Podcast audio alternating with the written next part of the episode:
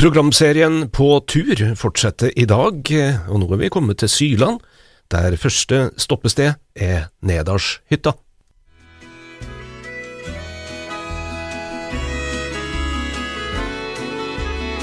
Bli med Nea Radio og Radio E6 på tur, der vi besøker Trondheims Turistforenings hytta i Trollhemmen og i Syland, og ser på fjellturismen før, nå og i framtida.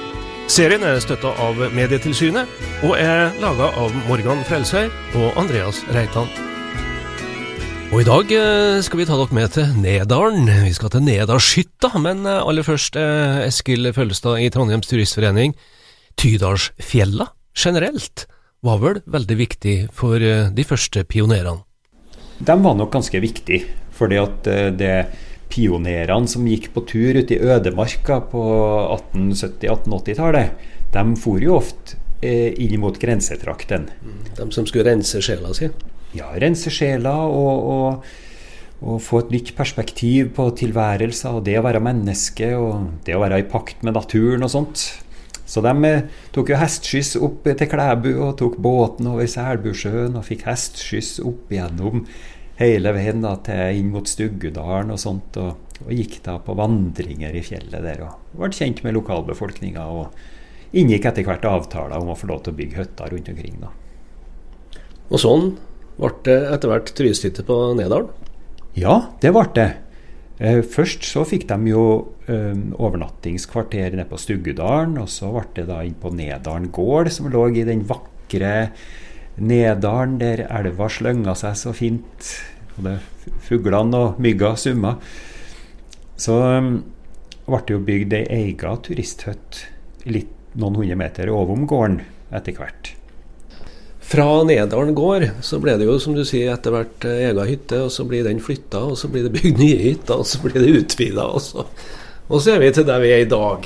Ja, for, for trafikken oppe i Syland steg jo utover både 20- og 30-tallet, og det var jo etter hvert et veldig fint hytteanlegg som lå oppe i Nedalen der eh, fra slutten av 40-tallet, samtidig som de bygde Skjultshytta. Så utover 50- og 60-tallet så var det jo en riktig idyll der med merka løyper opp mot Syland og retning Stor-Erikvollen og ned til bygda og sånt. Men så skulle det jo da demmes opp. Så på 60-tallet ble det jo bestemt at eh, Nedalen skulle bli en stor demning. En stor dam. Ja, første miljøvernministeren han var trønder og botaniker. ja, det kan du si. Det var det var jo mange som mente at Trondheimsområdet måtte ha mye elektrisk kraft, og da var det nærliggende å ty til. Så da måtte vel da vernestatus vik, for området ble jo verna allerede tidlig på 1900-tallet som et veldig spesielt område, våtmarksområde opp til fjells. så det var jo tungt for mange da, når, når vannet begynte å stige der i 1970. Men da ble det jo bestemt at Turistforeninga skulle få ei tomt, eller altså en stor eiendom oppe i lia inn mot svenskegrensa. Og da ble jo den nye Nedalshytta bygd på, i 71-72. Åpna i 72. Det ble et flaggskip? Ja, det ble jo en, helt moderne hytteanlegg. Eh, ganske annerledes enn de gamle tømrahyttene. For nå hadde jo da en stor bygning i to etasjer med svær spisesal og svær peisestue og, og flotte rom. Moderne strøm i lange baner fra utømmelige kilder. Så um, det ble et veldig moderne anlegg, og mange satte pris på de fasilitetene med god varme og sånt. Men noen uh, nevnte jo at det var ikke fullt så, så koselig, så trivelig som gammelhytta. da. Og det, det kan en jo skjønne, for det er en litt annen atmosfære i den 70-tallshytta enn i, i Laftakassene fra tidlig 1900-tall. Men ø, hun fungerer veldig godt, og den ligger jo fint til inne med fjellet der. Og det er jo veldig mange som kommer dit både for å overnatte fordi at de er på lange turer, eller at de kommer opp på dagsturer og går i området der. Det har uh, stadig vært uh, moderniseringer også ved Nedalshytta. Det siste nå er at den har fått nye innendørs do. Ja, Eh, akkurat som da den ble åpna på 70-tallet. Ja. Eh, for, for, da den sto ferdig i 72, så var det jo både et stort herredo og et stort damedo i kjelleren. Og det var jo i bruk i noen år. Men på 80-tallet, da det anlegget måtte rustes opp, så var dessverre økonomien i TT såpass dårlig at det, det var ikke rom for det. Så da gikk de over til å bruke bare utedoene. Men eh, nå som vi har en, en eh, stabil eh, medlemsmasse og, og, godt besøk i hyttene våre, så har vi råd til å installere nye toalett i kjelleren. Så nå er det jetdo av litt samme type som du finner på tog og fly. Sånne som bruker lite vann. Som betjener folk, da, så de slipper å sprenge over tunet om natta osv. Hvordan er det med vannforsyninga og vannsikkerheten på Nedalen? Jo, den er god. Vi, vi bora en brønn der for noen få år siden, så vi har godt, uh, god, god, forsyning av brønnvann eh, fra et 100 meter dypt hull rett i nærheten. Nedershytta er en av de hyttene det går an å kjøre bil helt fram til. Hva, hva betyr det for uh, hvem som besøker?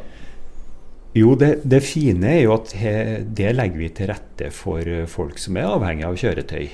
Hytta er jo universelt tilpassa, så når folk ringer til oss og spør hvor kan vi ta med eh, foreldrene våre som sitter i rullestol, så ser vi at da kjører dere opp til Nedalen.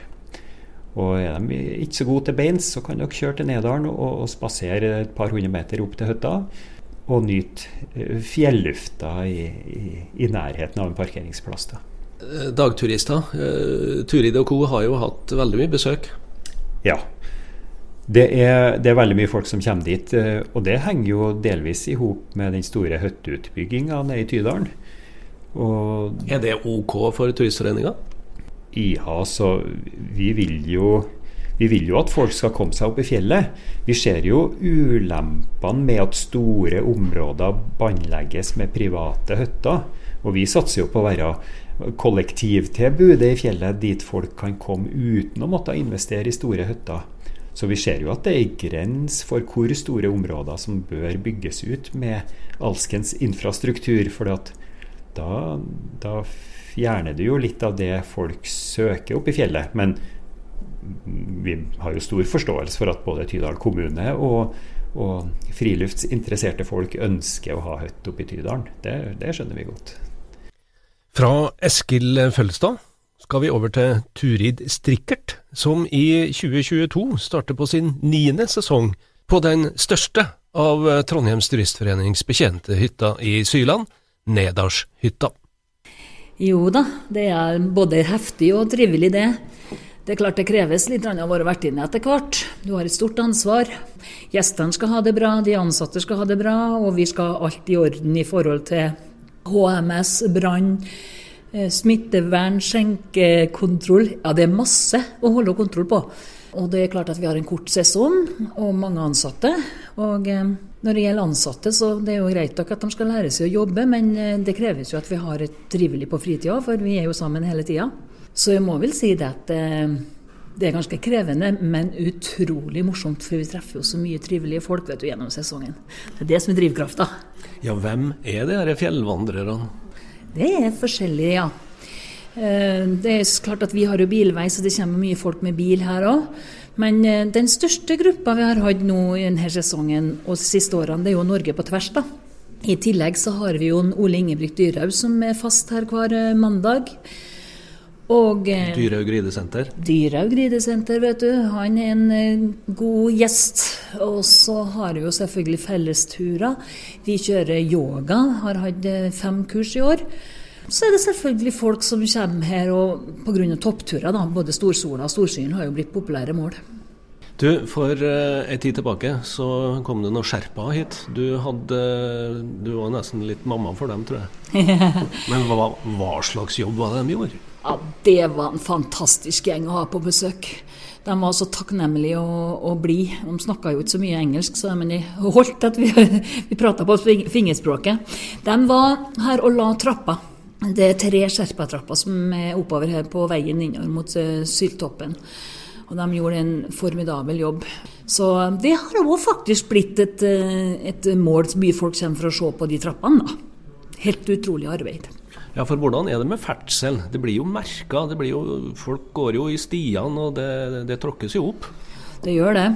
Og det er jo derfor at, eh, for at de områdene som de la det på, ble jo veldig eh, stygt opptråkka. Så da, nå har de jo klart å få samla på de trappene der. Og I tillegg så er de jo flinke oppe i Syrland her da, til å kloppe. Og det er jo årsaken for det at det ikke skal bli så fryktelig ødelagt naturen, da. Hytta er jo i veldig god stand, sjøl om jeg begynner å bli noen år Nedalshytta. Ja, det her er jo den tredje Nedalshytta, det, ja. Hvis den starter fra helt bakerst i historien. Mm. Men nå sitter vi og ser, ja, vi ser ikke så mye for nå, det er aldeles grått og regner her, men vi vet at borti der, nede i sjøen, så der lå det en gang ei fantastisk hytte. Det gjorde det, vet du. Men så når det ble demt opp sjøen, da, så ble denne hytta her oppsatt i 72. Så nå har vi faktisk 50-årsjubileum til neste år. Og det er klart at hytta bærer preg av at, at, hun begynner å bli litt slitt. For mye har jo ikke vært gjort med så i 72. Men i år har det faktisk eh, skjedd en del her. Vi har hatt mye dugnader, og eh, de holder på å jobbe med at vi skal få inn toalett. Det har blitt laga en eh, nødutgang nede i sovesalen vår. Pluss, pluss. Og det blir etter hvert. Med sovesalen, hvor mange gjester kan du ha her? Jeg har 85 senger normalt. Men det meste jeg har hatt i min tid, det er 105 overnattingsgjester. Da lå de på madrasser overalt. Men nå har det vært korona, og jeg har hatt eh, mulighet for å ha bare halve kapasiteten. Og da er jeg jo litt heldig som har såpass stor hytte og kan fordele folk, da. For det har jo vært en luksus å være gjest under koronaen, for de har jo nesten fått enerom. For vi har jo ikke kunnet blande kortene. Men vi som personal vi har en like stor jobb, for vi må vaske rommene for om jeg ligger to eller om jeg ligger 20 innpå der. Ja, Hvordan har denne pandemien påvirka eh, jobbinga her? Ja, vi har, har, i hvert fall ikke fått noe mindre eh, jobb, for å si det sånn. For det er jo klart at det er, en, eh, det er et stort ansvar. Marerittet vårt er jo å få smitte inn i hytta. Så vi er veldig nøye på at folk skal holde meteren. Og, og vi vasker og vi spriter, og vi har antibac på hvert et bord. Og så må vi passe på liksom, når folk skal til matbordet, at de passer på énmeteren. Selv om det er litt deres ansvar, så kan de jo glemme seg. Men jeg må si at uh, det har gått utrolig bra. Bank i bordet. Vi håper vi berger siste 14 dager da. Turid, du er jo fra regionen, du er godt kjent i fjella. Men hvorfor sa du ja til denne jobben? Eller du søkte jo på den? ja, jeg søkte på den. Jeg tror ikke det var så mange søkere. Nei, du, det skal jeg fortelle i historien. Eh, vi gikk her. Vi gikk um, trekanten her um, året før. Og så hadde jeg lyst på nye utfordringer. Og så plutselig så, så jeg at de søkte etter vertinne. Og så tenkte jeg at der, der var noe for meg. Men så skal jeg fortelle deg at jeg hadde med min venninnegjeng. Uh, 14 dager før jeg åpna, så hadde jeg med en gjeng som var med og vaska og la på senga og sånne ting. Og i ettertid så har jeg fått høre at de satt og diskuterte at vet at Turid hvor går til nå? Og det er ikke sikkert hun gjorde det! like greit, det. Men uh, jeg er er den åttende sesongen, og jeg stortrives, ja altså. Sjøl om den kan bli litt sliten innimellom, selvfølgelig. Men hvilke egenskaper må du ha som sjef her? ja, hvem skal si Han må i hvert fall være glad til folk. Det er ikke noe særlig å være folksky, i hvert fall. Og så kan en ikke være redd for å arbeide heller, for det blir mange, lange dager. Eh, men som jeg sa tidligere, drivkrafta er jo det at får vi fornøyde gjester, så er det utrolig klar, hva vi klarer å stå på. Hva skal jeg si da? Jeg har nok akkurat noen, Det er noen personalutfordringer kanskje som er For vi har jo unge folk, eller vi har forresten litt blanding, da. Men de er jo korte perioder. Og det er mye å sette seg inn i. Og når vi har det travelt, så kanskje det skorter litt på tida med skikkelig opplæring og, og, sånne ting, da. Men vi prøver nå vårt beste, og noe mer enn det kan en vel ikke gjøre. Turid, hva skjer når du venter 55 eh, gjester, eh, og så går strømmen og blir borte i fem timer? Ja, det kan du si. Det var litt av en utfordring. Når strømmen går klokka ti over fire, når jeg venter 55 gjester over to bordhår, Ingenting virker. Eh, vannet er borte. Gassen virker ikke når strømmen er borte. Og alt eh, frysere, og alt eh, stopper opp. Men jeg hadde en fantastisk stab, og ikke minst kokken beholdt roen. Og alle vi som var ansatt der, heva oss i to hakk. Og eh, vi, hentet, vi klarte å slå over på gamlevannet. Vi henta til en gammel gassgrill som vi tørka støvet av. Vi satte på bålpanna, og så hadde vi gassen som brukes på sjølhusholdet. Og tro det eller ei, så klarte vi faktisk også å servere varm mat på to bord. Så vi var egentlig litt stolt av oss sjøl, da. Artig var det å få det til. Det er jo ofte store grupper som kommer, og så kan det komme dager der det ikke er folk i hele tatt? Det kan jeg. Julien er jo stor. Da er det jo fellesferie, og da er liksom alle dagene stor. store. Men så snart skolen starter, så er det som å slå til en bryter, da, for da blir det rolig i ukene. Men så hender jo at vi har skoleklasser og sånt, da. Men helgene kan jo være veldig store om høsten, da. Men det er jo været som bestemmer. Så det varierer. Men det er nesten like krevende for oss som det er tre-fire gjester, eller om vi har 50 gjester. Vi må gjøre samme jobben uansett. Som du sa, det er jo bilvei eh, hit helt fram. Og så betyr jo det at eh, både hyttfolk og tydalinger og mange andre kommer hit på dagsbesøk, og, og det er de velkommen til. Ja, det er så koselig med, med daggjestene. Vi har jo dagservering mellom tolv og fire. Og da vi har forholdsvis enkel servering. servering. Ja. Nystekte vafler, og så har vi rømmegrøt og spekemat. Viltburger. Det er det vi kjører på på dagserveringa. Eh, men det som er utfordringa, det er når det er skikkelig fine, flotte dager, så er det så mye bil nedpå her med folk som går i fjellet, at det er mange som ikke kommer seg inn til, mot hytta, for det blir litt for langt å gå. Så vi ser det at de dagene det er knallvær, så får vi faktisk litt mindre gjester. Men vi har hatt veldig bra med dagbesøk. Og det er hyttfolk, og det er tydalinger, det er brekkinger og rørosinger. Skikkelig koselig er det. Du, Vi skal skifte litt sesong, for eh, om vinteren så er det jo hytta Eller utenom sesong, så er det jo hytta sjølbetjent, men i påska, da er du her igjen. Og så er det masse masse folk som vil hit i påska. Og så har det vært kjørt opp spor nå de siste åra. Det har vært en suksess? Kjempesuksess. Nå har det jo dessverre vært stengt de to siste påskene pga. pandemien. Men det ble jo helt en ny hverdag for oss i påska etter skisporet kom. For at eh, nå rekker ikke å sette fra oss vaskbøtta før eh, første turistene kommer. Og faktisk det året før pandemien kom, det var så mye daggjester. Og det var som et fuglefjell her, og det har ikke vært vanlig. Og hvor folk kosa seg. Så det var selvfølgelig stort for oss. Kjempetrivelig. Men så er det noen som ikke får komme helt hit. skuterfolket. Ja. Hvorfor kunne det vært eh, sånn som i Sverige? Nei, det må du nå spørre dem som er litt eh, høyere oppe enn meg. Der har jeg ikke noe stemmerett på. Jeg. Det er vel en del som føler på det, men eh, Turistforeninga har jo sin egen eh, politikk der, da. De, så det kan ikke jeg blande meg noe borti. Da skal jeg snakke med en Frode om det. Snakk med en Frode om du, du. Jeg skal ikke blande meg noe borti den. Pandemien har jo påvirka eh, alle, alle TT-hyttene og all, all trafikk i, i, Norge. Men dette området er jo et knutepunkt der også svenske fjellturister har vært uh, hyppig. Hva med svenskene i år? Nå er det andre året at vi må si nei til svensker. Og det er klart at det er en uh, tøft, det. Uh, de kommer jo selvfølgelig ikke så mange som vanlig, for vi har en stor andel med svensker vi når det er vanlig, vanlig sesong. Men vi har uh, fått beskjed om at uh, vi ikke har lov til å ta imot selskap som kommer vandrende. De uh, som nå er dobbeltvaksinert og kommer med bil, de kan få lov til å komme inn. Men det er klart det har kommet flere ungdomsgrupper her i løpet av sommeren som vi har bare måttet nekte og sendt videre. Og Det er ikke noe godt for et vertskapshjerte. Men sånn er det, og det er regelverket, og det må vi selvfølgelig følge. Turid, hvis du ser litt fram i tid, hvordan blir det her på Nedalshytta etter hvert? Nei, si det. Med fjellturismen? Vi må jo bare håpe at det fortsetter. Det har, for det har jo økt med turister. Det har jo blitt mer og mer folk som kommer til fjells. Og vi merker jo det at det er jo en del nye folk òg, for å si det sånn, som kanskje ikke er så vant med fjellet som tidligere.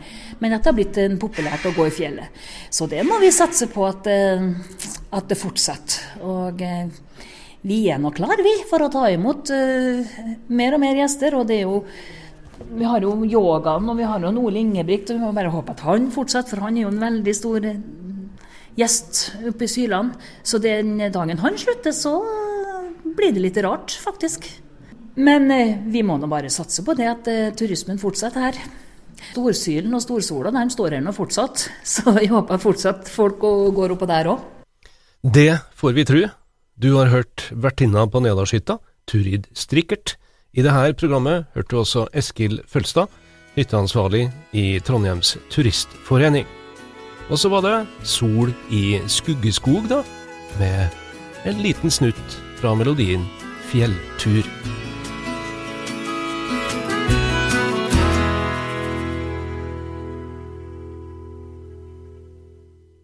Og helt til slutt så tar vi med at hvis du vil høre programmet på nytt, så kan du f.eks. gå inn på podkast, f.eks. Eh, Spotify, Apples podkast-app eller eh, Radio Player, og så søker du etter På tur med T.